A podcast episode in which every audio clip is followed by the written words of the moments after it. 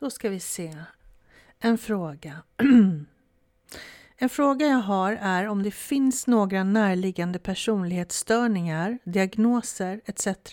som liknar narcissism som det skulle vara möjligt att man kan förväxla det med. Nu är jag inte någon läkare, jag är inte någon expert på diagnoser.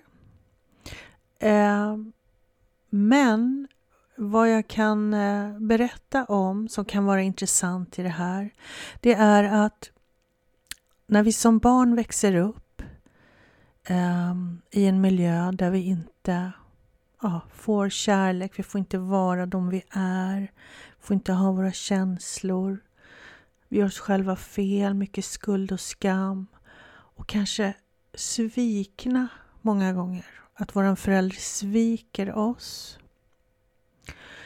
Ehm, då kan vi ha mycket av ett försvarssystem jag ska lite kort berätta om de här försvarssystemen. Det är så att det finns fem olika försvarssystem som vi anammar som barn när vi växer upp i en sån dysfunktionell miljö.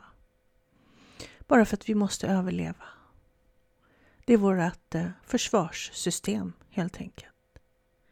Och om man bara utsätts för det någon gång så faller det där bort sen. Men om du utsätts för exempelvis svek upprepade gånger i din uppväxt så kan du ha mycket av det fjärde försvaret som heter det narcissistiska.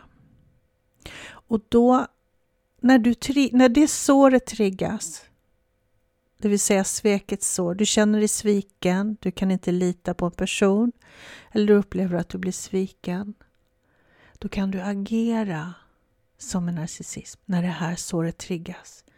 Du kan liksom bli, vilja trycka ner den här personen, bli hämndlysten, vilja gå ihop, du vet, få stöd från andra och, och liksom tala om den här personen har sårat mig, den har svikit mig.